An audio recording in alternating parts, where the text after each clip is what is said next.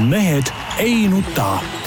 selle eest, et mehed ei nutaks, kannab hoolt Unibet, mängijatelt mängijatele.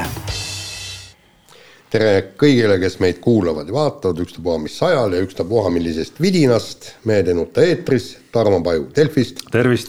Peep Pahv Delfist ja Eesti Päevalehest. tervist. Jaan Martinson Delfist, Eesti Päevalehest ja igalt poolt mujalt no näed, saime oma suure saali tagasi jälle ja, ja. äkki teil on kuulda ka meid siis võrreldes eh, erinevalt eelmisest korrast, eks ole. just. paremini kuulda. paremini kuulda, jah jah, aga, aga siin oligi, no tähendab, me rikuti meie saade ära, topiti meid sinna kuhugi väiksesse punkrisse, kas see siis muutis midagi presidendivalimiste puhul või ei, mitte midagi no,. Alar Karis ilusasti valiti presidendiks ja, ja kõik ja punkt no põhimõtteliselt me peaks esitama, ma arvan, ja olemegi esitanud ametliku noodi isamaalastele ja sotsidele, kes nagu tagantjärele selgus nagu esimeses raundis lihtsalt nagu põhimõtte pärast veiderdasid natukene mängu ilu, mängu ilu või koleduse huvides. ei isegi, isegi tegelikult äh,. ja tegelikult... sundisid ja sundisid sellega meid teise stuudiosse. jah, äh, ütleme niimoodi, et tegelikult ma sain sellest sotside taktikast aru, ma, äh, ma, mis ei tähenda, et, et ma nüüd hindaks neid sotse väga kõrgelt, viimasel ajal väga ei hinda.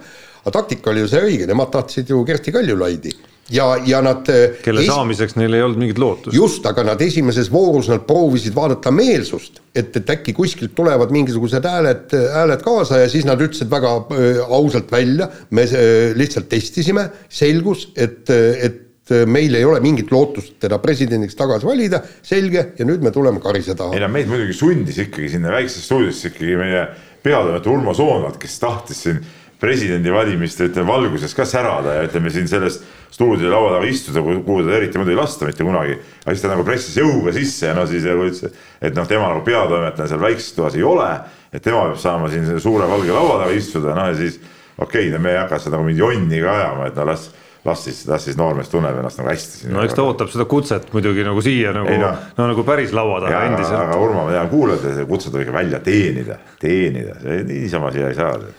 Jah nii no., aga mul on, mul on veel poliittervitusi, tähendab no., et, et täna hommikul siis helistas meie ühine äh, vana tuttav Andres Kalvik mulle.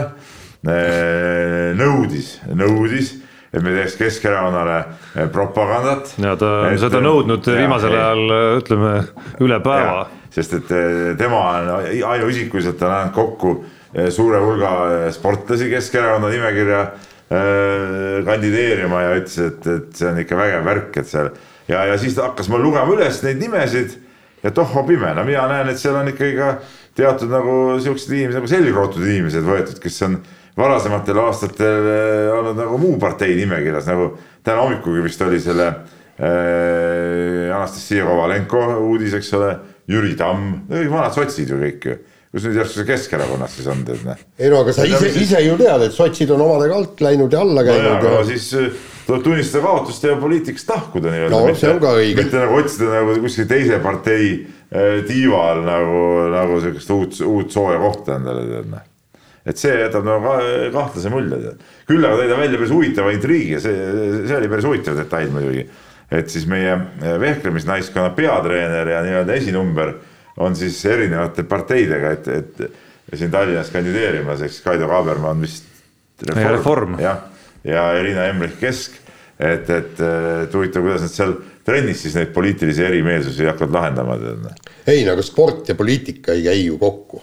No nagu sa oled öelnud, kohalikud valimised ei olegi nagu poliitika, et ju nad hakkavad rohkem neid korruptsiooni korruptsiooni asju kokku lugema ja rääkima punastest rattateedest ja, ja millest iganes veel. mis on muidugi huvitav minu arust see, et, et Reform ja Kesk praegult rõõmsalt käsikäes valitsevad Eesti riiki, aga Tallinna linnas annavad üksteise pihta nagu eriti, eriti Reform siis Keskerakonna pihta annab päris kõvasti tuld, et noh, see on ka nagu, see on ka nagu naljakas, need sama, osaliselt ju samad inimesed, kes siis seal Riigikogus on koalitsioonis, istuvad ju linnavolikogus ka, eks ole, noh et, et see on nagu, vot see on nagu Eesti poliitika kõige suurem veidrus minu arust, et noh. see ei ole siiski ainult Eesti ei, poliitika. no, no okei okay,, ütleme, no me räägime Eesti poliitikast, ütleme poliitika üldine veidrus, sinu arust ei ole veider või? no see tundub nagu üsna nagu võimatu seda iga, iga omavalitsuse tasemel nagu minna selleni, kus koha, kohtade jaotus on nagu igas omavalitsuses erinev, on veel valimisliidud, mõni partei on mõnes kohas esindatud, mõnes mitte, noh, sul ei ole võimalik järgida seda siis- seda liini, et ma teen ainult ühe sama parteiga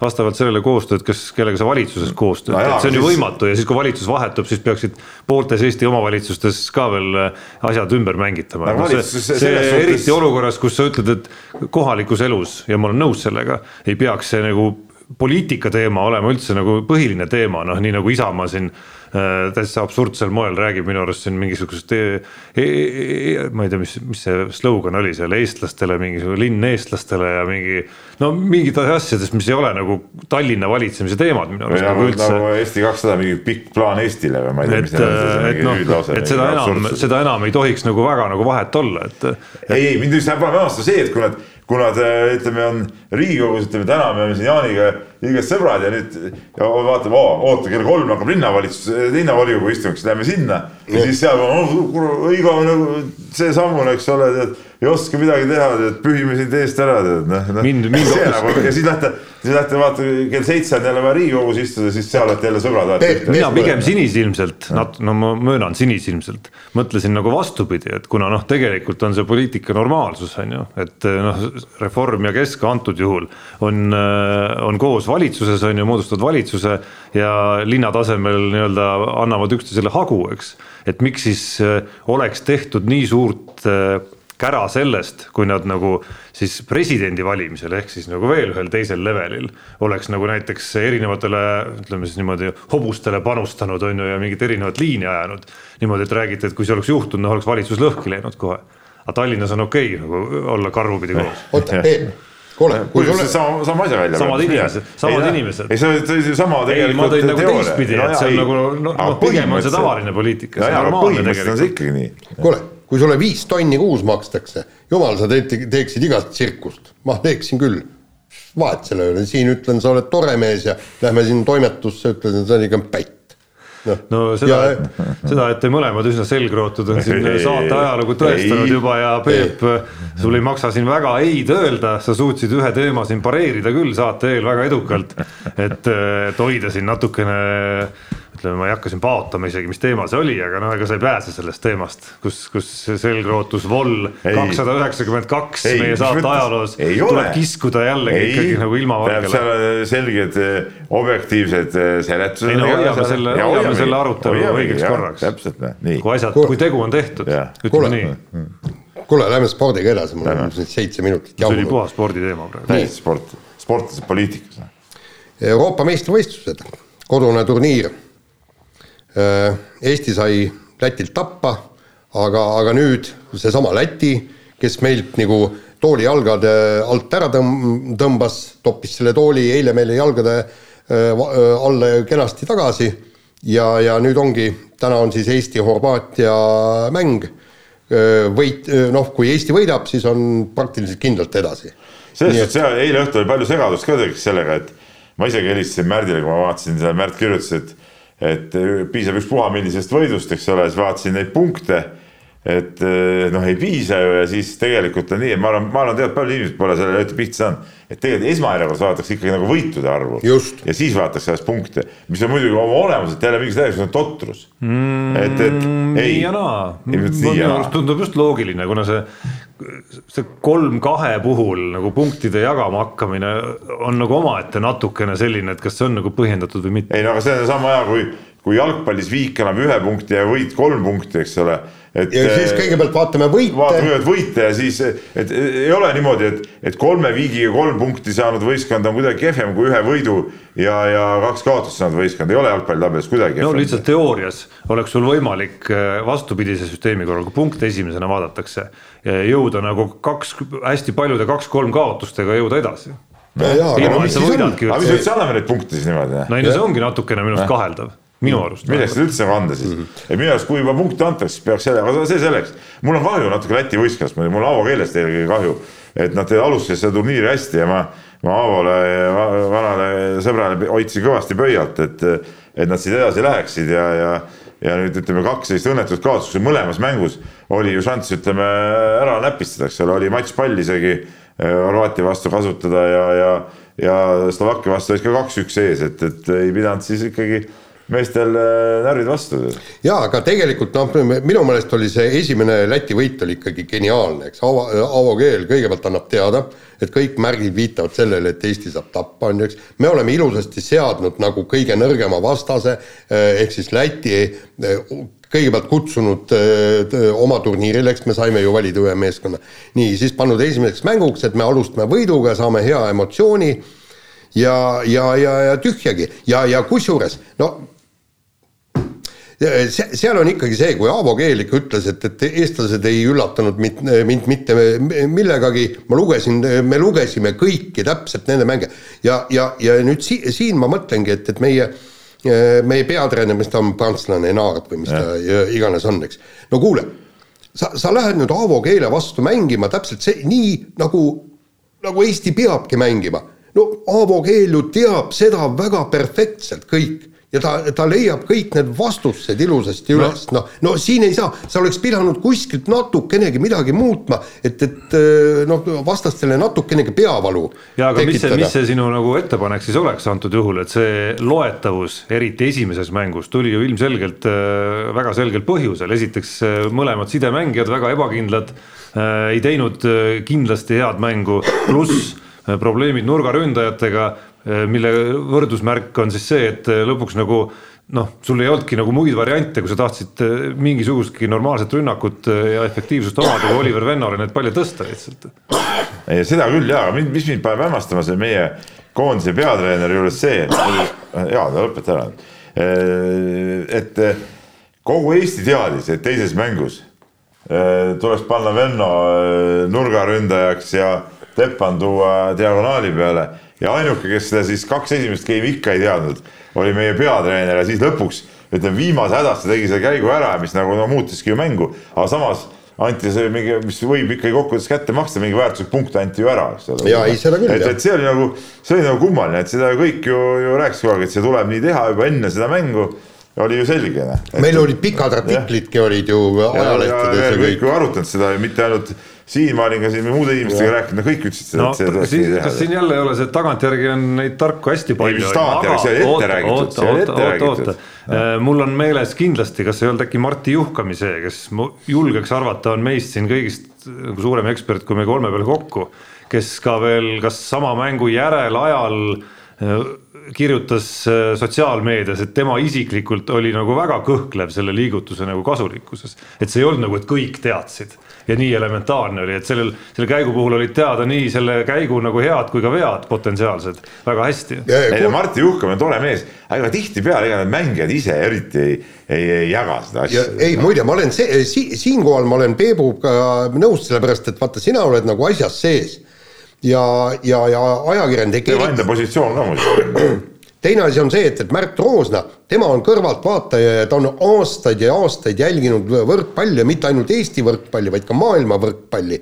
ja, ja, ja võib-olla tema näeb laiemat pilti.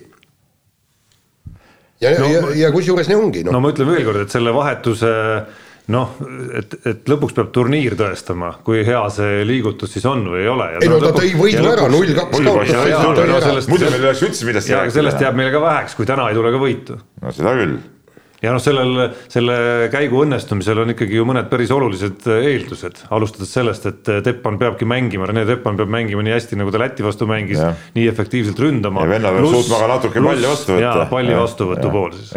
ei muidugi on, muidugi on seal küsimusi, aga noh, aga ütleme sel, sel hetkel nagu tundus, et paremat varianti ka ju ei ole, noh. elu näitas, et ei olnudki nojah, ja põhimõtteliselt tänasest mängust on kõik kinni ja see oleks muidugi ääretu pettumus, kui, kui. aga emotsionaalselt oli see muidugi võimas, ma ise küll saalis ei olnud, aga mul siin eh, enda poegki oli saalis ja rääkis, et emotsionaalselt oli see väga-väga võimas värk ja noh, telekastki oli näha, et see oli oli, oli väga-väga vinge see lõpuosa seal.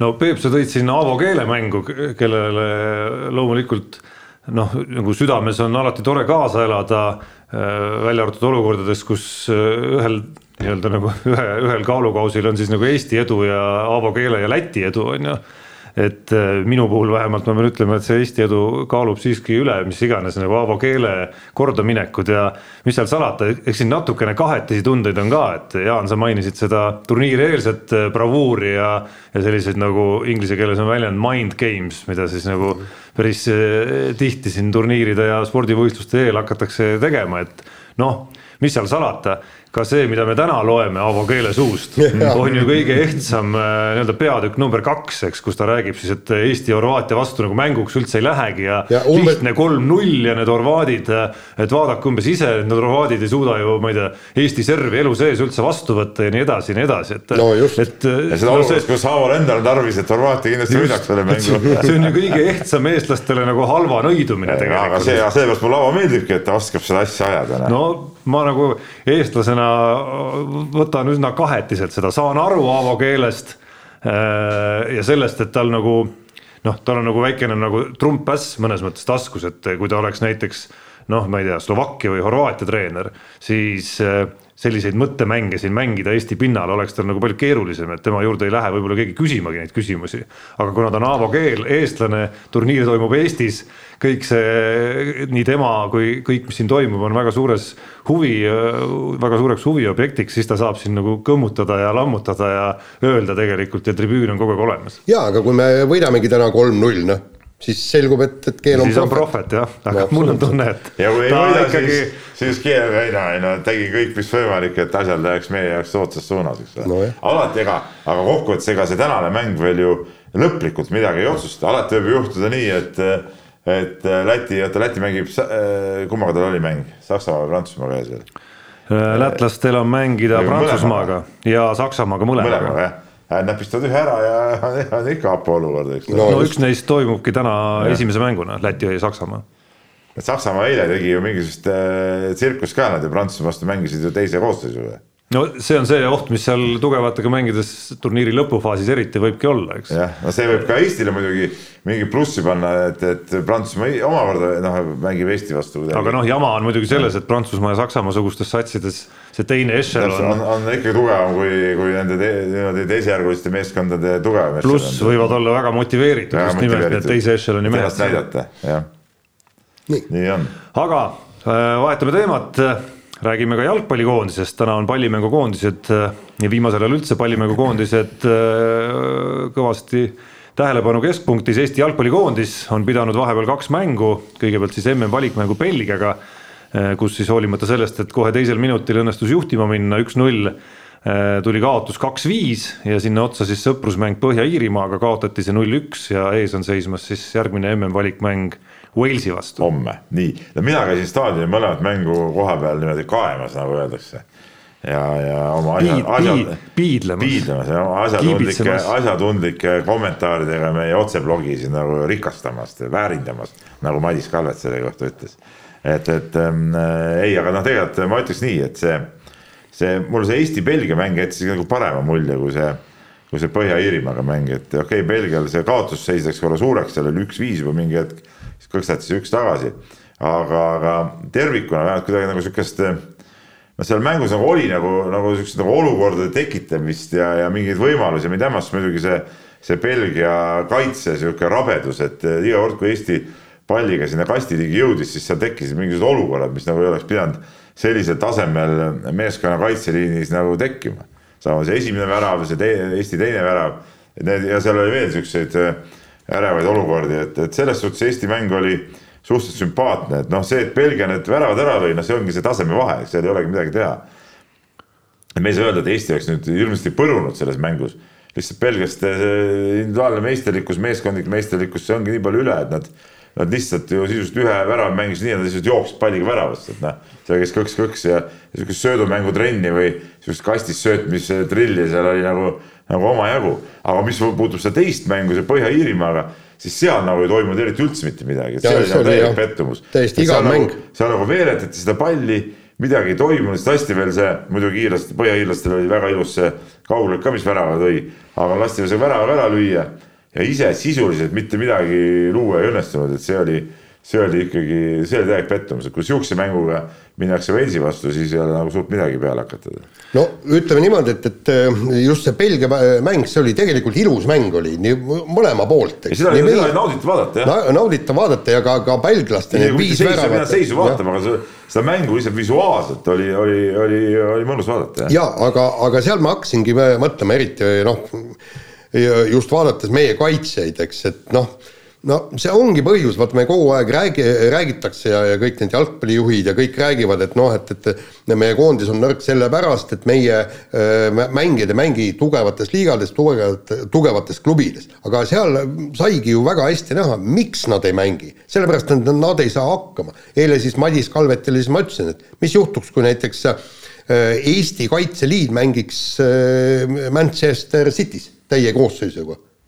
City kukuks välja ju liigast sisuliselt noh no on ju. ei no teoreetiliselt küll jah. no eks need kõik asjad on ju omavahel nagu mõlemat pidi seotud, et see, kuidas sinna jõuda, see, kui sa seal mängid, siis mängid ühel pool paremini ja see kõik käib ju nagu paaris rakendis, eks. et äh, minu põhilised äh, nii-öelda mõtted, mis mul üldse tekkisid nädala jooksul, olid seotud ka selle Belgia mänguga ikkagi. ja noh, punkt üks Belgia jaoks ikkagi nagu, ma olin nagu natuke pettunud siiski, et see, et see Belgia jaoks see nagu nii rutiin oli selle kiire kaotusseisu tagasitegemine, nii rutiin, et isegi ütleme siis, kui nad kaks-üks ära lõid, siis kaks-üks järel ei olnud ju juubeldamist, vaid siis kaks-ühe puhul äh, värav löödi ära, siis kogunesid mehed kokku sinna penaltipunkti lähistele ja siis nagu arutasid natukene seda nagu söödumängu ja kombini nagu mingeid nüansse seal ikkagi, et kuidas oli või ei olnud, on ju. et noh, see, see oli nagu trend lihtsalt Nende jaoks oligi mäng, see tase oli ja see oligi nauditav vaadata seda, kuidas nad seda palli seal liigutasid ja toimetasid sellega, noh. et noh, kui ütleme nagu perspektiivis, kui, kui meie nagu ülim eesmärk lõpuks ikkagi on mängida noh, kasvõi sellel eh, laienenud EM-finaalturniiril, noh siis noh, siis me, siis me peaks olema noh, jah, et siis me peaks olema ikkagi nagu sellel tasemel, kus, kus nagu päris nagu sellist nagu tahvli jalgpalli meie vastu nagu ei mängita no,. ei ole midagi aga, teha, kust aga, me seda võtame. aga no. siin, seal me ei ole praegu, noh, see on ilmselge. jah, ja, ja, ja, ja paraku ega tegelikult, kui me vaatame, kuidas meie äh, noortekoondised äh, mängivad, ega, ega sealt suurt lootust ei ole, et ei, me no, nüüd oluliselt paremas. Nüüd... üks noortekoondis meil siin mängis väga kõvasti. et siin ma nüüd küll jääks nagu eriarvamusele no., me oleme siin saates ka rääkinud, et noh, siin nagu uues põlvkonnas vastupidi, just nagu lootust on, lihtsalt nüüd on küsimus, mismoodi need mehed siis äh, nagu päris meeste hulgas läbi lööma hakkavad. no ja.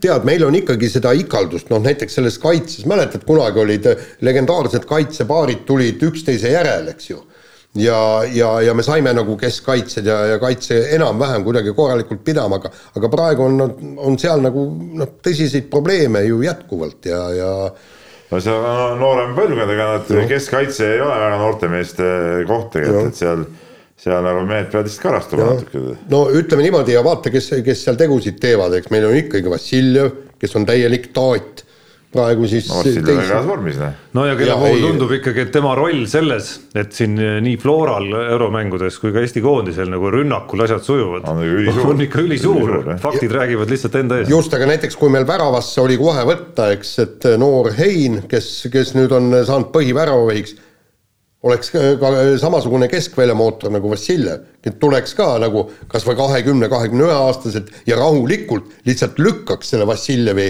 kõrvale sellega oma hea mänguga. aga no, no vaata, Itaalia jalgpallikoondise ka keskkaitses on äh, raugad mängivad, no ei no, ole keegi neid kõrvale lükanud. nojah.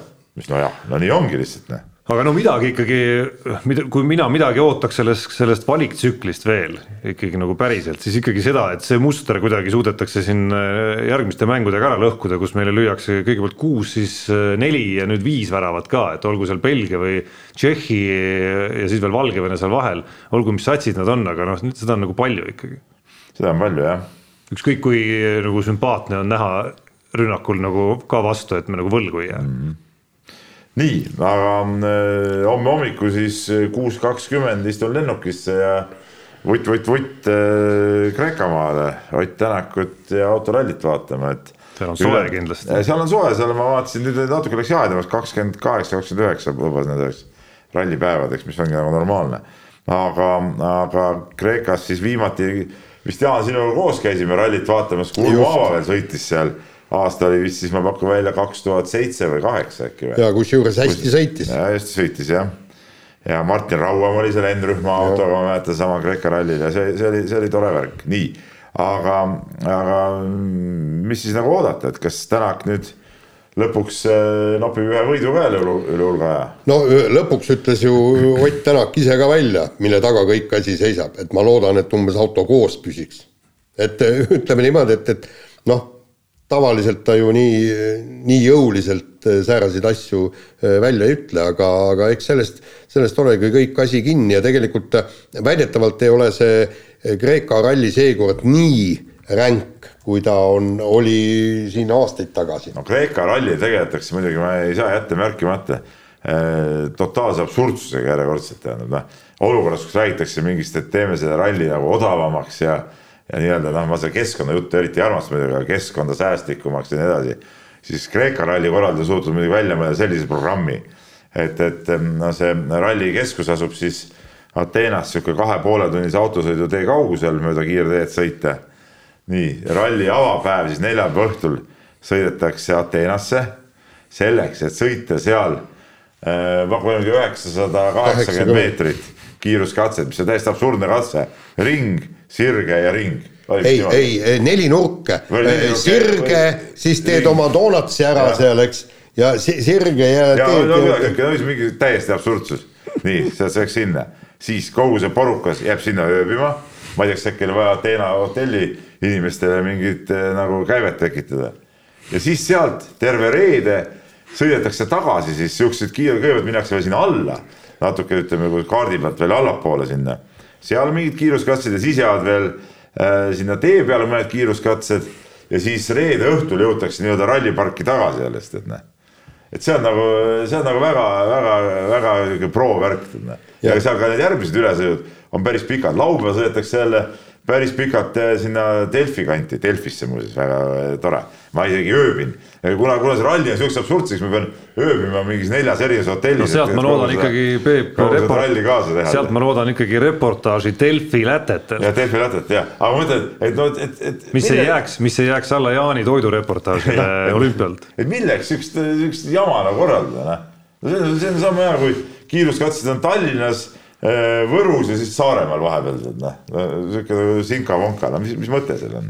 ei no, no, see ei ole nagu mõistuspärane tegelikult. ei no aga see, see oligi ju täpselt see, täpselt see, nagu me seal vist kas siin või, või rallis tuulis või kuskil, ei no see oli ju kolmsada, kolmsada viiskümmend kilomeetrit sõideti ju sinna paganama äh, spaale äh, viimast päeva ja, sõitma ja, ja siis mina pakkusingi välja niisuguse versiooni, et rallikeskus on äh, Tartus esimesel päeval sõidetakse Tallinnasse, laul, lauluväljakul vaata see asfaltringi, tehakse kiire katse, nii, siis äh, tullakse tagasi, äh, siis kõik järgmised päevad on seal ja siis viimaseks päevaks minnakse, sõidetakse Riiga näiteks, Pikerneki ring. ja täpselt, jah, saaks, ja täpselt.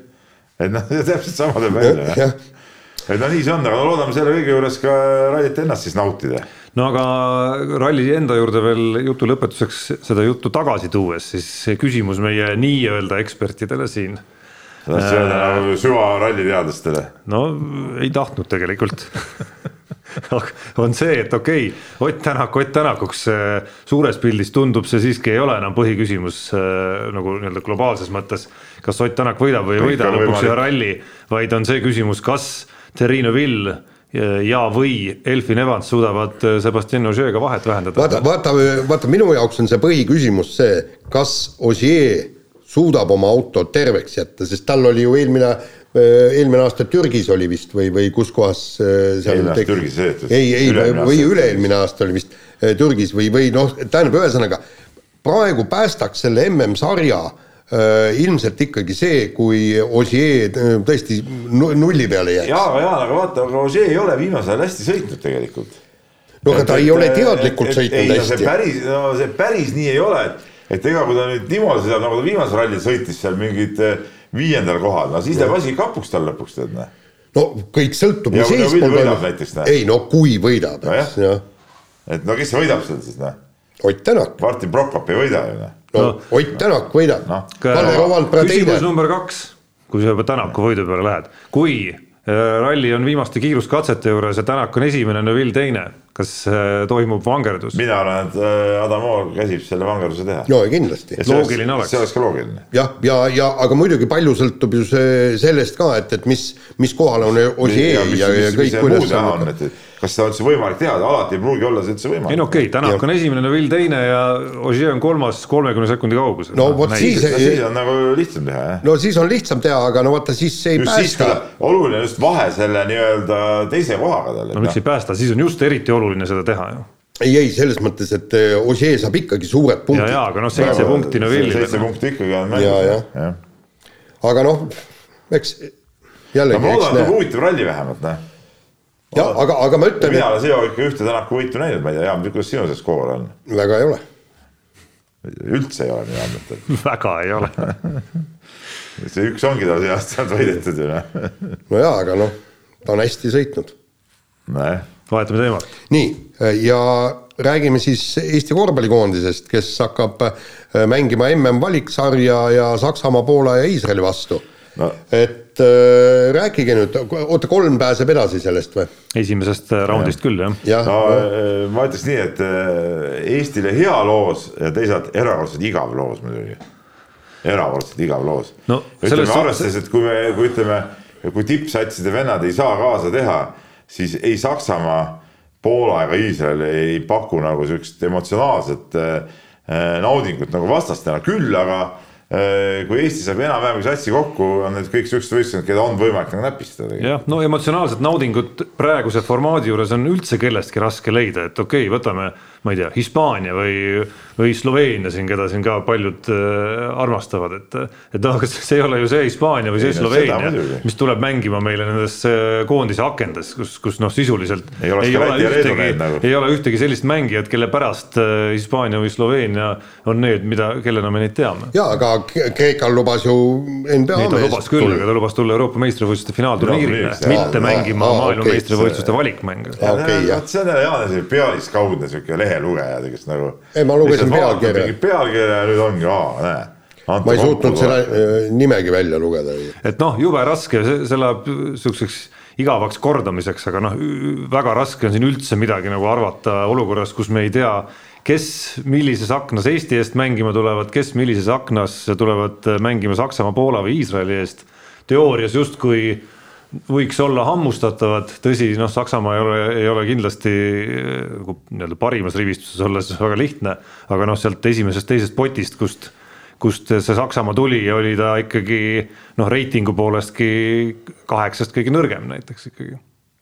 Noh, kõrvale on panna Hispaaniat, Sloveeniat, Prantsusmaad, Serbiat, aga noh, see ei maksa üldse mitte midagi, sest ma arvan, et selles äh, valiktsükli süsteemis on äh, Saksamaa pigem meeskond, kes saab rohkem oma tippkoondise eest välja, kui noh, no näiteks võrreldes Hispaaniaga. kuigi need on ka ikkagi kaks euroliiga satsi, neil on ka mingid NBA mehed ju noh. ja et on läinud ka neil keerulisemaks. päris, päris satsi nad ikka kokku ei saa, see on nagu selge. nii no., aga kas laseme kõlli nüüd? Läheme kiire vahemängu juurde ja käisin äh, laupäeval vaatamas Eesti tõstmise tšempionaati, mis oli jube ägedalt korraldatud, toimus siis Tartu Lõunakeskuses, seal jääovaalil, see oli muidugi ka kaetud siis puupõrandaga ja siis kõik, kõik igavest äge ja, ja siis rahvas käis vaatamas ja, ja selles mõttes oli, oli kihvt, et et äh, kes läks mööda kes vaatas hetke, kes vaatas veidi kauem, kes tuli isegi, istus sinna tribüünile, vaatas veidi pikemalt. üks viga, mis minu meelest tehti, mm, oli see, et, et nad oleks pidanud rohkem selle ka, kaubanduskeskuse peal kuulutama, näiteks kui Mart Seim mm, oleks tõstma tulnud umbes kümme minutit enne seda, et nii, nüüd tuleb Mart Seim rebima, tulge vaadake, kuidas Eesti kõige vägevam mees siin tule, tuleb, oleks sellega natukene noh, igal pool, noh, kõikidesse kauplustesse, Rimidesse, mis seal igal pool valjuhäälest lasta, et tulge ja oleks, oleks seda vaatama tulnud ja aga, aga tegelikult see on, see on äge, et niisuguses kohas äh, võistlusi korraldatakse. no siin on ju õpetust äh, eeskuju võiks ju teistelegi olla, kaubanduskeskused head, suured ja, avarad kohad, kus annab päris äh, mõningaid alasid teha. jäähalli peal oli see või? jäähalli peal jah, ja, ja, ja täpselt sama Eesti tšempionaat vehklemises, miks mitte seal korraldada uh? -huh. täie, täiesti tipp-topp olemas nii, aga siis äh, Mart Seim kenasti üle pooleteist aasta esimest korda tuli tõstma, tegi oma nelisada kilo ära, täpselt see, mis ta plaanis. Ja, ja, ja siis nüüd läheb detsembrikuisele MM-ile ja see on talle hädavajalik, on siis tulla kaheksa hulka, et saada taaskorda taaskord siis EOK B-kategooria toetusele, ehk hakata saama palka ja treeningtoetust suuremat, sest praegu ta on C-kategoorial, saab tuhat eurot kuus ja no nagu ta ütles, et, et ausalt öeldes, et et, et selle rahaga ta ei saa isegi söönuks. Ja, ja, ja ta ütles eriti vot minu keha, ta oli sada viiskümmend kaks kilo ja, ja arvestada, mida ta peab sööma, eks kvaliteetset toitu, sa Tarmo tead ju hindu, ta sööb kilo liha päevas ära ja vaevalt, et ta hakkab seda võtma niisugust seda ka, kaelakarbonaati seal kuskil aga ta võtab seda korralikku veiseliha ja selle hind on ju. on päris hea. ei no kindlasti on, aga, aga ütleme te,, temale on vaja seal on võib-olla rasva natuke liiga no, palju. ma näen kõrvalt, palju kulub toitu ühe kuueteistaastase noorsportlase sisse et ma, ma ei kujuta ette, palju veel läheb Mart Seimi sugusesse. ei, Mart Seim ütles ju huvitavalt ja, välja. musta auku nagu piltlikult öeldes. ei, ta ütles, et. ta võtab terve keedu kana, pistab suhu ja, ja mm. sulitab kondid välja ja ongi, ongi söömas. ei, aga ta ütles niimoodi, ei, ta ütles niimoodi, et ta sööb täpselt nii palju, kui ta jõuab, aga vaja oleks veel rohkem tema nagu ta on, et päevas sööb kilo liha, aga oleks vähemalt kaks kilo vaja valguvajaduste rahuldamiseks. ja noh ja si-, siin nüüd ongi tegelikult noh, ta ütles, et jumal tänatud, on toetajad olemas. aga kui neid ei oleks, no mis, mis paganat tippsporti sa teed, kui sul on tõesti, siin on kaks võimalust, nagu see mm, äh, Leho Pent läks vangivalvuriks tööle ja siis teeb äh, sealt kõrvalt pool amatöörsporti või, või, või siis sa pead oma toidusedelit äh, kuskilt kokku tõmbama, no see, see ei ole ka tõsiseltvõetav. see ongi selle kuulsa nii-öelda Team Estonia, millest ammu pole muuseas midagi kuulda olnud, mismoodi asjad seal edenevad, oled midagi kuulda? ei, ei, absoluutselt ei ole, viimati vist EOK presidendivalimiste ajal. et see on nagu suur, suur miinus selle meie süsteemis, et noh, ütleme need, ütleme sportlased, kes on olnud kõval tasemel, aga mingil põhjusel neil on jäänud mingid äh, asjad nagu vahele, nad ei ole saanud äh, tulemust teha või, või mingid probleemid on olnud, et need jäävad nagu sisuliselt ripakile. et täpselt. see on nagu selle suur miinus, et, et äh, Siim Suklas, ma tean, kuulad kogu aeg, et aeg on tööle hakata, ikkagi mõelda välja, kuidas Mart Seim saaks nagu söönuks. Noh. ja, ja no, vaata, siin oli ju. Äh, leppige mingi restorani kokku, kus saab söömas käia siis kasvõi. noh, isegi, isegi siin äh, meie ma ei tea, esimese ja teise liiga korvpalliklubid suudavad oma mängijatele toitlustuse korraldada. muide, Team Estonia alguses ju räägiti, et nad tahavad jõuda sellele, et, et, et kõigile oleks tagatud vajaduspõhine ettevalmistus, mitte see, et on kas tuhat või kaks tuhat eurot annad toetusraha, aga vajaduspõhine ehk siis elementaarne oleks täidetud. ja, ja siin, sellega ma olen nõus, et kui sul on see tulemus, siis sa saad palgale, ehk siis sa saad töötasu, aga nõus, nõus. see vajaduspõhine ja, ja, ja siin eh, Mart Seim koostab oma eelarve, minu eelarve on vot niisugune, palun, sest tegelikult seal toidu ju kõrvale tulevad toidulisandid, ravimid, eh, massöörid, kõik see, vot kõik see peab olema tagatud kui sa sportlase tõesti annad tuhat eurot kuus, kuskohast ta saab kõiki neid füsioterapeute asju, värke, särke, sööki, kõike? no seda enam, et antud juhul me räägime sportlasest, kes nagu me tagantjärele nägime,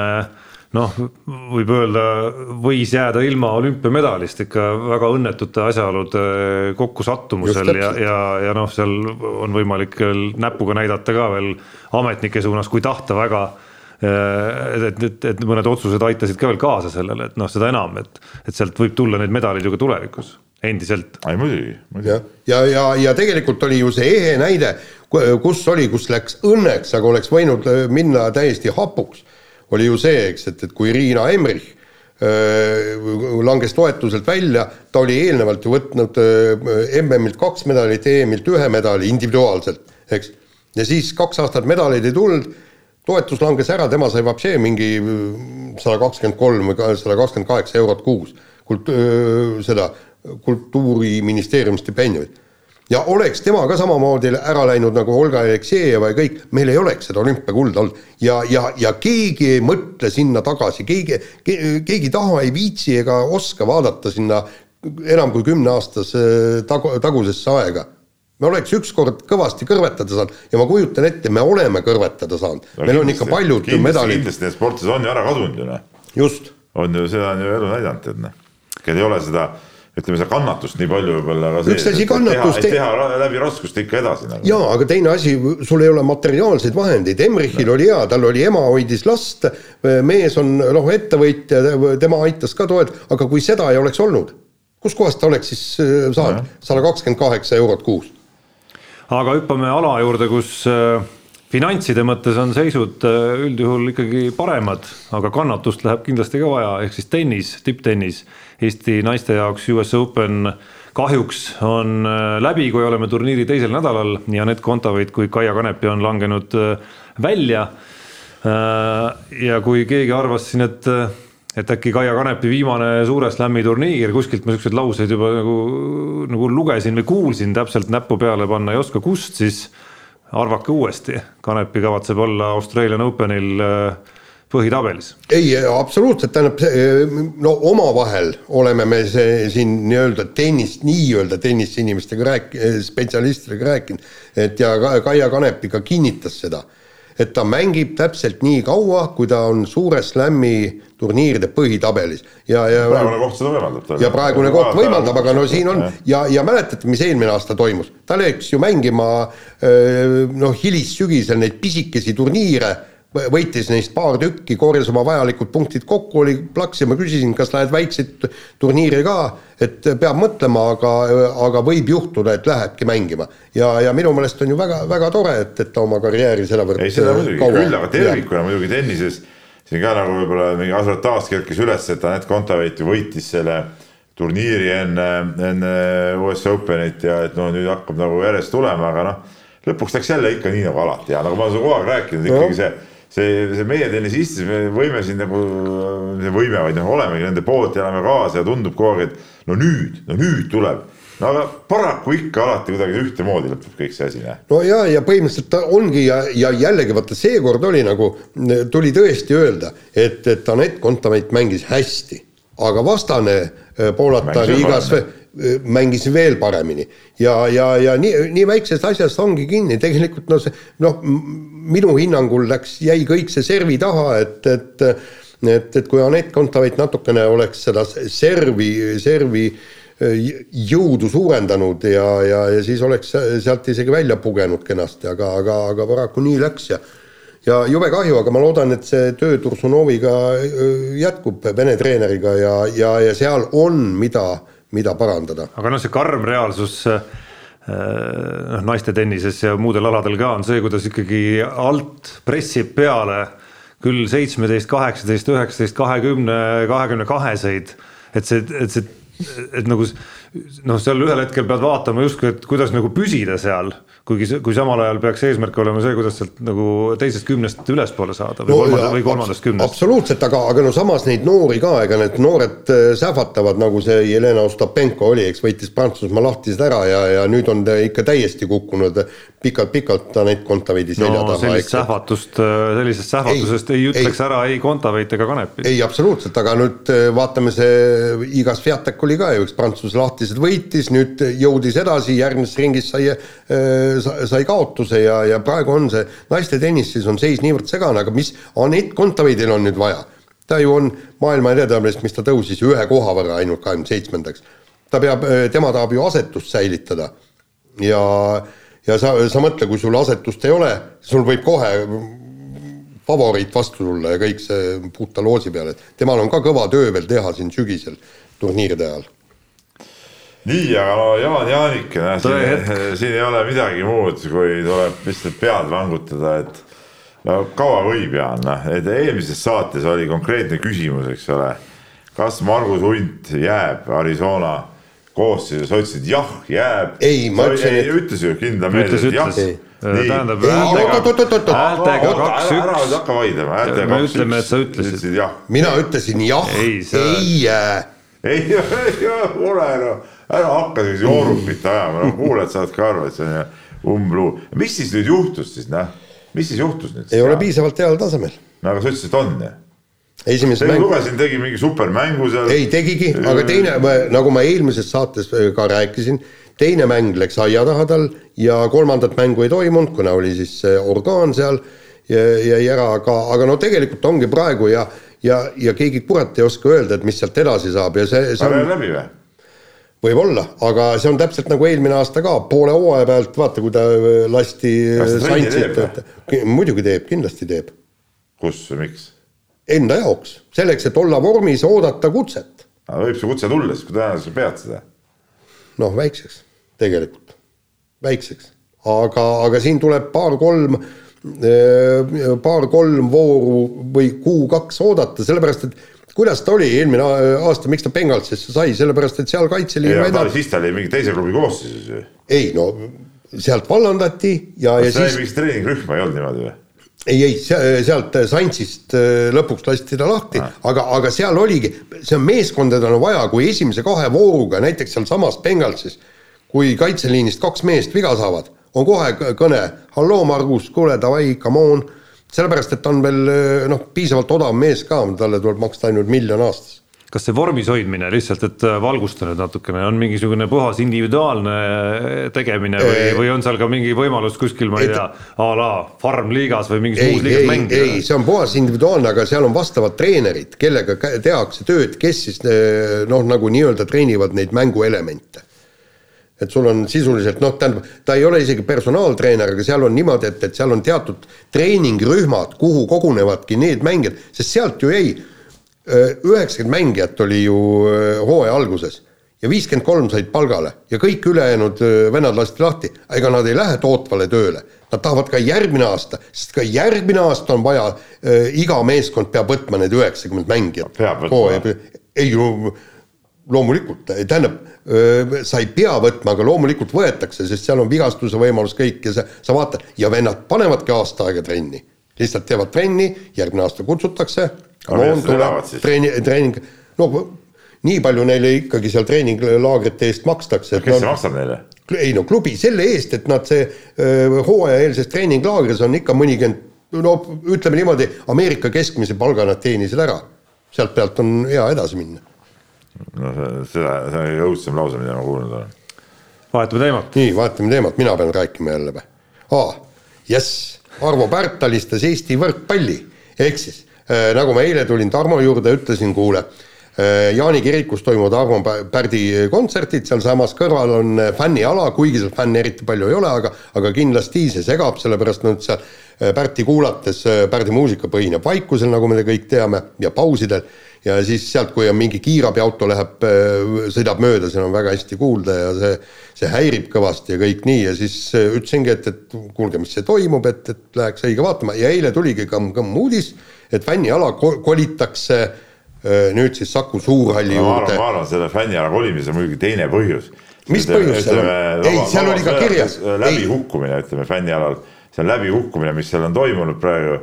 Seal ei ole kedagi käinud ja seal üle kümne inimese ei ole kordagi korraga nagu kohal olnud minu arust. aga põhimõtteliselt sinna, seal nad põhjenduseks to- toodi ka ära kümme inimest oleks teinud liiga palju lärmi nagu see ei, kontserdi ei no jaa, aga sa ei saa ju, sa ei saa ju lasta, tähendab ühesõnaga mingit, sa ei saa ju mängu näidata sealt äh, ekraanilt mingi, mingisuguse hädise kontserdi pärast või? ei, see ei ole hädine kontsert, see on äh, maailma kõige enam mängitud elav heli- helilooja.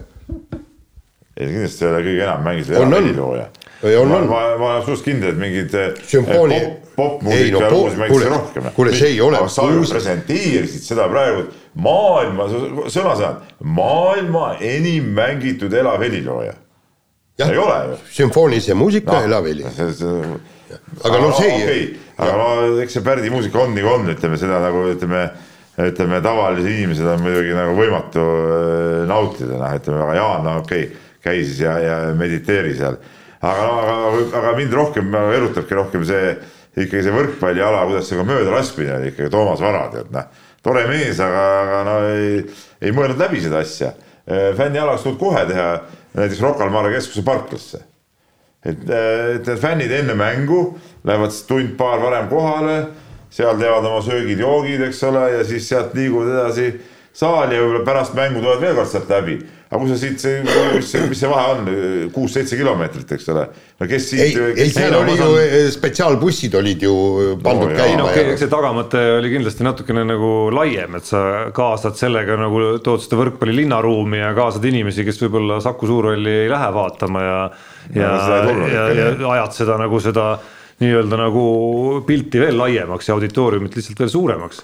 ma tükk aega, meil see, meil see teemade nii-öelda, see, mismoodi meil teemad siia saatesse jooksevad, see jada on niimoodi, et üldjuhul, et Jaan teeb väikese eeltöö, paneb mingi listi kokku ja siis õhtul ma nikerdan seal natuke, järjestan neid ja teen mingid viimased valikud, siis ma tükk aega mõtlesin, et kas nagu jätta see Arvo Pärte asi siia sisse pärast seda eilset arutelu, mis meil toimetuses toimus seal, no lihtsalt, et see oli selline siin see niirireljeefne ei olnud praegu, aga noh, toimetuses oli see selline, selline nagu tõeline tsivilisatsioonide kokkupõrge, kus ütleme, meie mees ja Arvo Pärt said nagu kokku. Ja üsna nagu valjuhäälselt ka veel esines seal vähemalt üks osapool ja võite arvata, et see ei olnud Arvo Pärdi muusika fänn. ma tahan teid kuulda tänaseks, tähendab siin nagu ütleme, see meie mees oli mul praegu kunstlikult külge poogitud. ei no mina, see on mina, mina tõlgendan siin praegu jah ja., et mõtlesin, et kas panna siia, et äkki ma säästan nagu Peepu sellest, et ta ennast nagu rumalaks ei teeks aga siis panin ikkagi nagu Jaani rõõmuks selle sisse. mul on eesist juba emotsioon välja, ma T200 ei viitsi ühte juttu rääkida. ja aga, aga muide. Jaanist, kes on rääkinud kõiki oma lugusid sada kaksteist korda ja kahjuks ma Jaani tunnen üldse Eesti spordi ajakirjanikest vist või kes tegevajakirjandust kõige rohkem, siis ma olen kahjuks pidanud kõiki neid lugusid kõige rohkem kuulama ja aga mis sellesse fännialasse puutub, tegelikult selles mõttes sul on õigus, et, et, et et sinna staadioni juurde, et fännid lähevad, võtavad esimesed õlled seal võib-olla ära, eks, et tegelikult vaata see, kui me käisime Riia korvpalli EM-i ajal, kus oli, ei oota, seal, seal ongi just, et see fänniala niisuguses kohas, nagu ta seal parasjagu on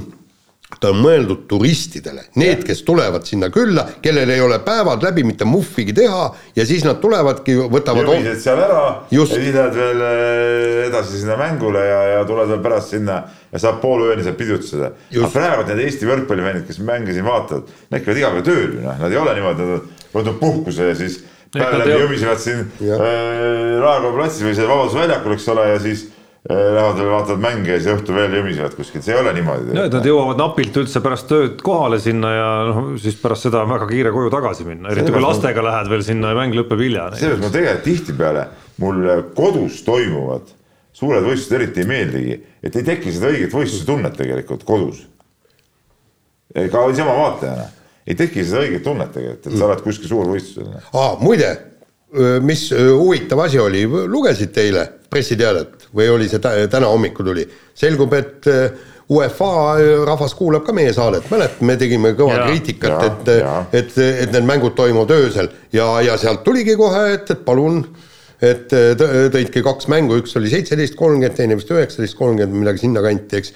et, et ühe, ühe mängu siis, aga see on, ilmselt on viimane voor, et need mängud toimuksid ühel ajal, eks.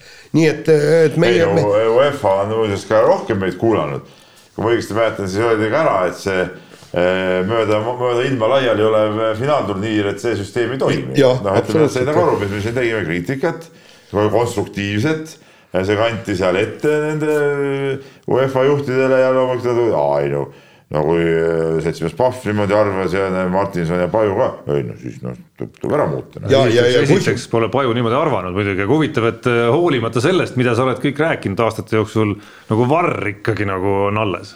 no küll me selle kallale ka asume ikka üks asi korraga. ei no sa oled seda uuristanud juba tükk aega, aastaid. mõni asi ongi nagu sitkem, mida peab rohkem uuristama, tead noh. Aga mõni on nagu sihuke lihtne, murdsime ära selle krõpsti selle totaka finaalturniiri süsteemi, noh. krõks ja valmis, noh aga kiire vahemängu lõpetuseks võtame mütsi maha Robert Rooba ees, kelle minek KHL-i oli päris efektne, tõsi, kahjuks Severstal kaotas oma esimese mängu ja tegelikult ka teise. ka teise ja nüüd on aega oodata võitu. aga Robert Roobal siis eh, viis minutit, isegi natukene vähem võttis aega, et KHL-is esimene värav ära lüüa. tegelikult Rooba alustas juba ka hooajalistes kontrollmängudes väga hästi, seitse kontrollmängu, neli väravat, päris hea tempo, eks ole et nüüd on siin mänginud kokku üheksa mängu ja viis väravat, no ütleme, see on, see on päris, päris okei okay tempo ja Rooba roll võistkonnas, mis on nagu, ma alguses kartsin, et kui ta läheb sinna, et, et, et kas ta saab ikka normaalse rolli endale, et lõpuks on mingi neljanda kolmiku mees, käib seal äh, kümme minutit jääl ja, ja alla selle ja kõik, aga ei. teise kolmiku mees, ründekolmiku mees, esimeses mängus mängis kakskümmend minutit, teises sai seal küll vähemad minuteid, äh, kuusteist või midagi, mis on okis, need on ikkagi suured minutid abikapten, järelikult ei ole mingi naljamees, eks ole. Kõik tipp-topp ja ka sats on ka okei okay,, nad saavad kaks mängu nüüd tappa. aga, aga tegelikult ega see normaalne, normaalne võistkond, kes tegelikult eelmine aasta oli ka play-off'is, et et see ei ole mingi nalja, nalja, naljameeskond, et, et selles suhtes Rooba oli ülihea meel, noh, ülihea meel, et ta seal mängib, tead. noh. ja, ja, ja kusjuures mul tõmbas kohe selle paralleeli. ausalt öeldes, kui no vend veel natukene paremaks saaks, no tsipa juurde paneks, ta võiks ju NHL-iski mängida no ei, ega, ei, ei selles suhtes, ei, Tarmo, ega, ega see ei ole üldse võimatu tegelikult. ei, ma ei ütle, et see võimatu peaks olema, lihtsalt, et äh, laseme nüüd natukene. minema hakkab ja, ja, ja hakkab siis ma lugesin ka Vene meediat äh, just peale seda esimest mängu. seal nagu to toonitati ka, esiteks Roobal äh, esimene löök ja see värav, eks ole, esimene mäng ja ta oma sünnipäev ka veel ja noh, seal olid nagu suured lood olid, olid temast ja siis seal ühe, ühe väljaande see mingi hokikommentaator kirjutas ka, et, et tegelikult OAL tundus see Rooba toomine natuke küsitav, et okei okay,, Soome liigas kolmkümmend väravat, aga see, seda olukorras, kus, kus Soome liiga tase ei ole enam see, mis oli siin võib-olla mõned aastad tagasi, kus kõik paremad mängijad on kas KHL-is või NHL-is, eks ole. et noh, võib-olla polnud see, aga aga selle esimese mängu ta tõestas, et see oli nagu õige käik ikkagi klubil, tead näe. no üks, mis kehtib, ma arvan, universaalselt kõikide äh, nii-öelda võistkonnaalade puhul on ikkagi see, et tasub väga hoolega jälgida ka seda, kuidas võistkonnal minema hakkab. et, et sellel on äh, ka tema individuaalsel käekäigule väga suured mõjud ikkagi no kindlasti ma ütlen, nüüd homme on mäng on äh, sihukese võistkonnaga, kes ei ole nagu nii tugev, no keda peab kindlasti võitma, sest kodus nad on alustanud ju kodumängudega ja, ja, ja, ja nüüd, nüüd, nüüd tuleb võita nii, aga laseme kõlli. Unibetis saab tasuta vaadata aastas enam kui viiekümne tuhande mängu otseülekannet. seda isegi mobiilis ja tahvelarvutis. Unibet, mängijatelt mängijatele. Nonii. kuulan, ei seal midagi on vaadata järelikult mul ei varsti enam raha, noh. no mis see saldo on seal siis? sada kaheksakümmend viis, kaheksakümmend seitse. aa, ma panin siis sust mööda, ma panin siin mõned panused, ma panin mõned jalgpallipanused, panin mõned tennisepanused, aga, aga siis no mõned läksid pihta, mõned läksid mööda ja umbes sama, samalt maalt alustasin, kui Peep praegu on ja, ja siis rebisin sealt umbes kakssada küm-, kümne peale ja sealt vist tuli natuke alla, aga natuke üle kahesaja peaks olema. mind vedas eelkõige alt muidugi Aavo Keel ja Läti võrkpallikoondis, kes mul oli pandud siin nagu Läti peale nagu see. no huvitav, kust see nagu pädevuse vahe, Peep, ikkagi nagu tuleb, et et kui ma nüüd oma nädala panuse siia ka mängu toon. ma ei hakka panema nii Äh, nende koef oli parem kui Slovakkia, loomulikult ma Slovakkia peale ei pane, sest see koef oli liiga väike. ei no aga Slovakkia Slovakkiaks. Äh, mina, minu ainus panus see nädal oli Avo Keele esimeste lausete peale, mida ta enne turniiri siin ütles, mis puudutas mängu Eestiga. kus ja Läti pani... koefitsient oli väga hea, no ma ütleme seal justkui võitsin ja kaotasin, aga mõnes mõttes oli niimoodi mängu kõige parem jälgida, ehk siis kõigepealt panin väikse panuse selle peale, et Läti võidab kui Läti oli kaks-null ette saanud, siis võtsin selle raha välja tegelikult. et siis sai, sain ülejäänud nii-öelda mängu vaadata nagu noh, niimoodi yeah. rahulikult, ilma et äh, mingi panus kuskil meeles kõlguks. ehk no. siis, ehk siis kolmsada üheksakümmend kuus koma viiskümmend viis. aga ma võin öelda, mis mul veel nagu võttis ära ja, ja, ja, ja ma pean tunnistama, et noh, mul tegelikult ei olegi sellest äh, summast äh, kahju, on Riia Dünamo, ma panin KHL-is neljase rivi ja, ja, ja ma tükk aega mõtlesin seal selle neljanda mängu jooksul mängisid selle Hiina satsiga. et, et, et kuidas panna ja, ja hiinlased kodus ka ja ma panin nagu Hiina, Hiina selle peale ja kuus-viis Riia Dünamo tegelikult võitis selle mängu, ülejäänud kolm läksid pihta muidugi. ai sa pagan, see oli küll valus. see oli valus, see oli valus, ma ütlen kohe, äh, selle rivi koefitsient oli seitse koma kaheksa. nii et noh, nii on neljanda no, rivi. kuule, aga, aga tegelikult äh, stopp, see siin väike vihje. Aavo Keel ütles täpselt ära, kuidas raha teenida ja olekski tegelikult kõik see kakssada eurot sinna peale pannud, praegu oleks nagu või sees olnud, eks. aga, siis... aga, aga Keel nüüd ütles järgmise asja, Eesti võidab Horvaatiat kolm-null. Ja nüüd tulebki selle peale panna, noh. ehk siis äh, mehed ei nuta eripanused, mis hetkel on ka Unibetis nähtavad. Neist üks puudutabki Eesti võitu Horvaatia üle täna koefitsiendiga üks koma üheksa ja teine puudutab siis äh, Kreeka rallit ja seda, et Ott Tänak võidab selle ralli koefitsiendiga neli koma viis. mul on üksteist viimast panust punased. Ehk siis ebaõnnestunud jah, aga, aga tegelikult ma soovitan panna Eesti-Horvaatia võidu peale kolm-null, sest Aavo Keel nii ütles. paneme kogu raha sinna ära. no ma ei tea. ei pane, ei pane no väga efektne oleks muidugi. no oleks efektne, aga noh. ma arvan, et nii ei lähe. nii, aga kirjad. kirjad, kirjad, kirjad, õigus, ma unustasin ära kirjad. küll aga meil on kirjad ilusti kõik olemas siin. ja, ja lähme siis äh, niimoodi. teadlane Priidik kirjutab meile vana aja kirjasaatjad kirjasaatja eh, kirjutab nii, mõjutatuna hiljutisest Eesti-Läti võrkpallimängust sooviks teada, millised on olnud saatejuhtide suurimad spordipettumused, just sellised, kus teatud ootused on olnud põhjendatud, mitte näiteks see, et jalgpallikoondis midagi üldse võidaks. noh, ma hakkasin, hakkasin seal mõtlema, et tead, neid pettumusi on, on mul olnud ikka niivõrd palju, et, et neid ei jõua, jõua kokku lugedagi noh. ma ütleks ka, et ütleme niimoodi, et eh, mul oli ju niimoodi kaheksa välisvõistlust oli, kus ma käisin ja kõik oli no nii totaalne põrumine. sinna käis ka siis, kui eh, Ott Tänak sõitis selle S kaks tuhat autoga ja seal me käisime Soomes sinuga ja sealt ei tulnud midagi. kaks EM-i maadluses, kui on Epp Mäe ja, ja siis maailmameister, eks ju Heiki Nabi lähevad, üks on Soomest, teine Riias. no läheks, võiks midagi, midagi toimuda, mingi medal võtta, pronks kas või. mõlemad saavad esimeses ringis tappa, noh. ma sõidan, ma sõidan kohale esimeses ringis, mõlemad, kõmm, ühel päeval, läinud. noh, ja, ja, ja seal oli veel igasuguseid, noh, mäletad, jalg, jalgratta MM-ile kauplesin välja jah, jah, mees rääkis no nii, et tead suu suitsis, kuidas nüüd hakkab tulema sealt mingid medalid ja asjad ja. Ja põhimõtteliselt- koos Postimehes saatsime, oli Postimehes. Jaa, oli Postimehes, jah. saatsin, saatsin mehe kohale, noh. ja mõlemad katkestasid, tutkid prat-, mõlemad katkestasid sõidu. noh, ja, ja, ja niisuguse on ja, ja noh, jah, mina mäletan ka, mul on kindlasti, mul on kaks ralli eh, suurt pettumust, ma kaks korda sõitsin Urmo Aava pärast kohale, kus ta pidi võitma juunior WRC sarja. Ühe korra sind ei olnud, ükskord see oli Korsikal. Ahah, ei, Korsikal ei olnud, seal mm -hmm. Suurbritannia rallil ja, ja, ja mõlemal korral ta suutis nagu ära vussida selle. et Urmo, noh tervitused siitpoolt. siis üks ka, mis oli nagu minu jaoks ikka oli päris kõva pettumus, oli see Tartu Rocki korvpall seal Final Fouril. Küprosel. ja me olime sinuga koos vist. Tarmo, ma eeldan jah. oli küll. et, et ähm, tead. Poolfinaal oli ju meie kätes nii-öelda kõik juba. oli, kõik oli nagu selline, kus pidi nagu tulema ja noh, ütleme ei olnud need võistkond sellised, kellel oleks pidanud seal kaotama. aga kaotati, et see oli, see oli üks siukseid, siukseid asju, mis mul nagu kohe meelde tuleb. no minu suuremad äh, jäävad ikkagi sinna perioodi, kus Eestil korvpallis hakkas kehvasti minema, ütleme siis pärast seda kaks tuhat üks äh, finaalturniiri, see kümnend, mis seal nagu järgnes, et seal, seal hakkas nagu algul vähem ja siis aina rohkem viskama sisse neid, neid nukraid hetki.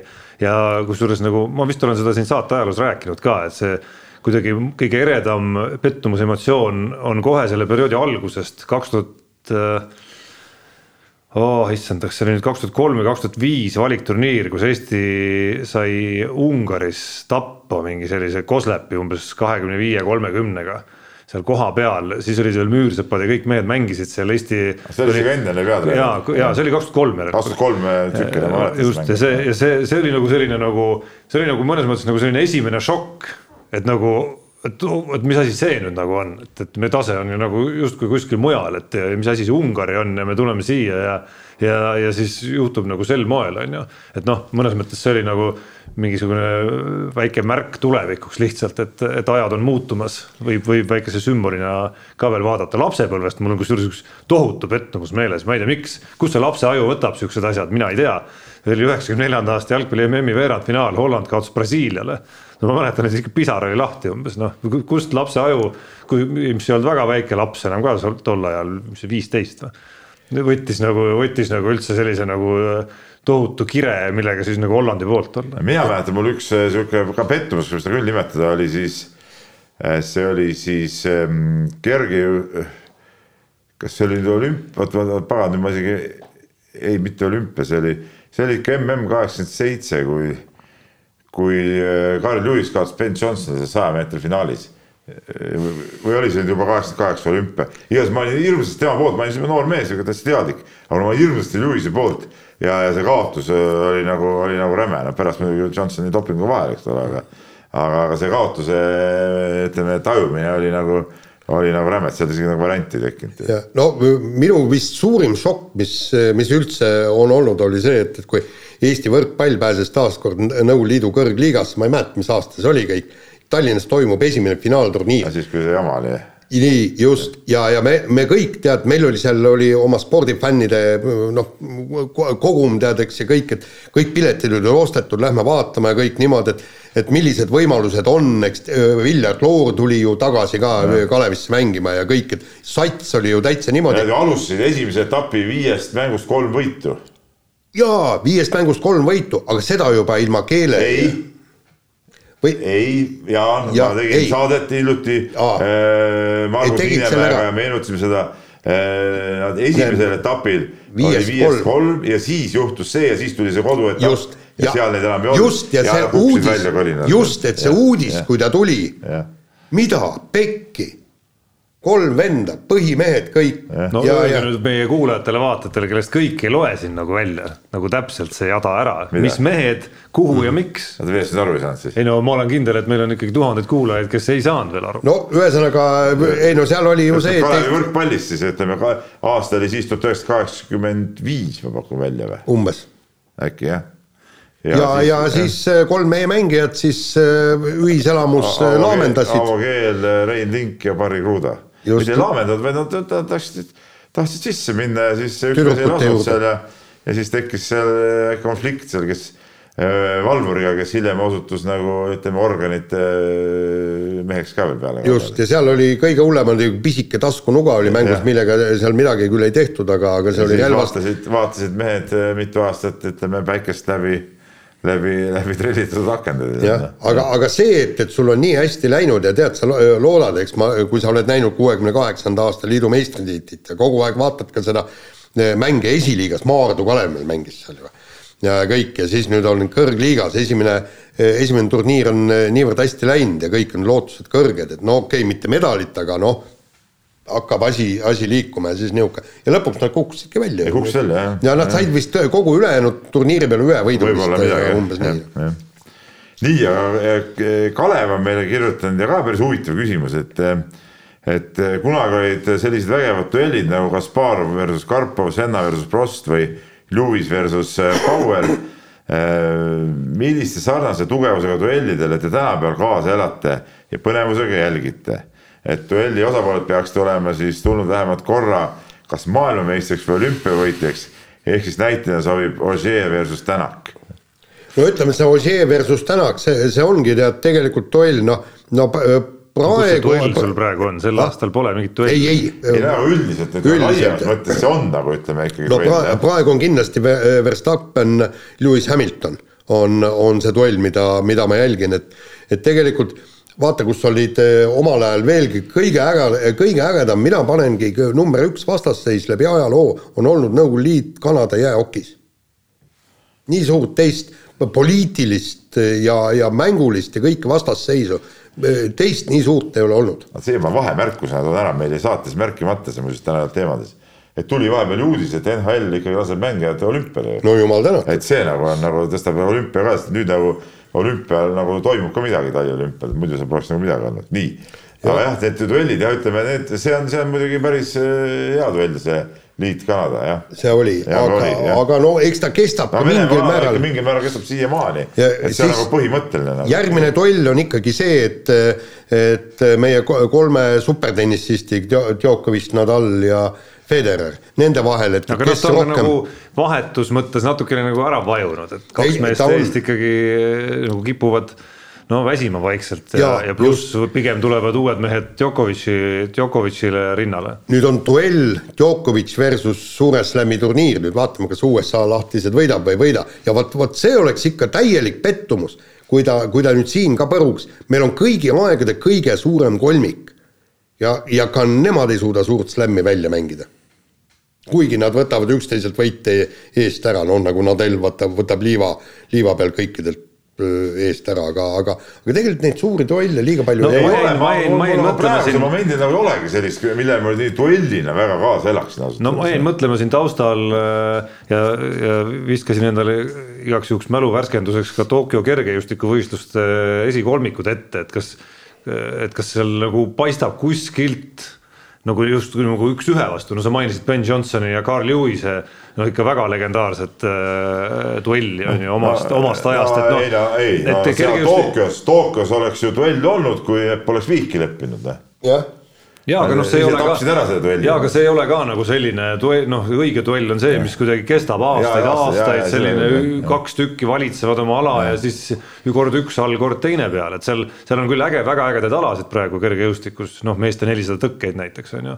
või ka naiste nelisada tõkkeid, kus ongi tegelikult nagu kahe Jaa. duell aga noh, võib-olla see. See ei ole veel nii suur, see ei ole nagu aastaid kestnud, see võib-olla meid, noh, kaks ameeriklannat ikkagi omavahel, et võib-olla ei kõneta niivõrd võrreldes sellega, kui siin, ma ei tea, Warholm ja ma ei tea, Ray Benjamin siin nagu nüüd aastaid kuidagi kahekesi, aga seal on ka neid, seal on kolmas mees ka tegelikult natuke susib sinna sekka. ja jah. Warholm pigem võidab seal kogu aeg, on ka see reaalsus praegu. noh, sina oma nagu see peksuvõistluste aust ja sa siis omal ajal seda McGregori ja siis selle Habib äh, Nurmagomedov'i duelli ei nautinud või? Noh. Kus siis mitte. ei, mis nautinud, selles mõttes see oli, see oli, lärm oli kõva ja möll oli kõva, aga ega matš ise nüüd nagu äh, mingi no nad ühe korra kohtusid selles mõttes, et ega nad nagu ei jõudnud nagu nii-öelda triloo, ei seda verbaalset osa mina ei naudi, pigem sellist nagu nii-öelda noh, seal on mingid nii-öelda triloogiad ja mehed kohtuvad mitu korda omavahel. Need, noh, need on need, mis duellidena pakuvad ja teevad duellist duelli, see, et ükskord ühe nii-öelda noh, ma julgeks öelda ajukääbiku nii-öelda nagu eestvedamisel need asjad lähevad lihtsalt nagu siukseks nagu madalalaubaliseks või lappama, no see, see ei ole küll see osa, mis mind nagu väga erutaks selle spordi juures. nii, aga nüüd eh, saate lõppu eh, ma tõmbaksin, mis tuli moment tagasi, tuli kiri kaksteist null seitse ja Maarja kirjutas meile ja ja, ja ta siin sihuke on, on, ei ole meiega nõus ja kirjutab nii, et see jalgpallimängude varasemaks toomine on pereinimestele täielik jama. Tahaks õhtul, kui lapsed magavad, rahulikult vaadata, aga nüüd see ei õnnestu. oota, mis mõttes, kuule, kuule, lõpuks ju lastega tulebki vaadata, lapsed tuleb, isa tõi mind suurde sporti Jah. ju sellega, ma vaatasin, ma mäletan seda, et, et vaatasin ka mm, seda öö, väiksena, mingi nelja-viieaastane, vaatasin seda ja isal oli niimoodi, väike näpp oli suus kui põnevad momendid ja siis mina panin ka väikse näpu ka samamoodi, mõtlesin, et vot nii peab tegema, tead, eks.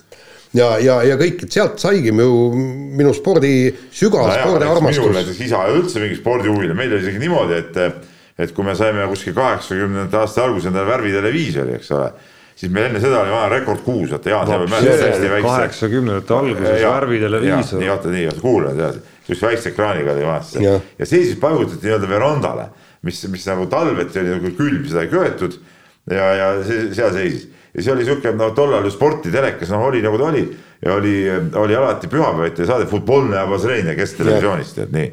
aga isad muidugi ei huvitanud üldse, tema tahtis mingit, ma ei tea, mis jura seal vaadata ETV pealt, eks ole.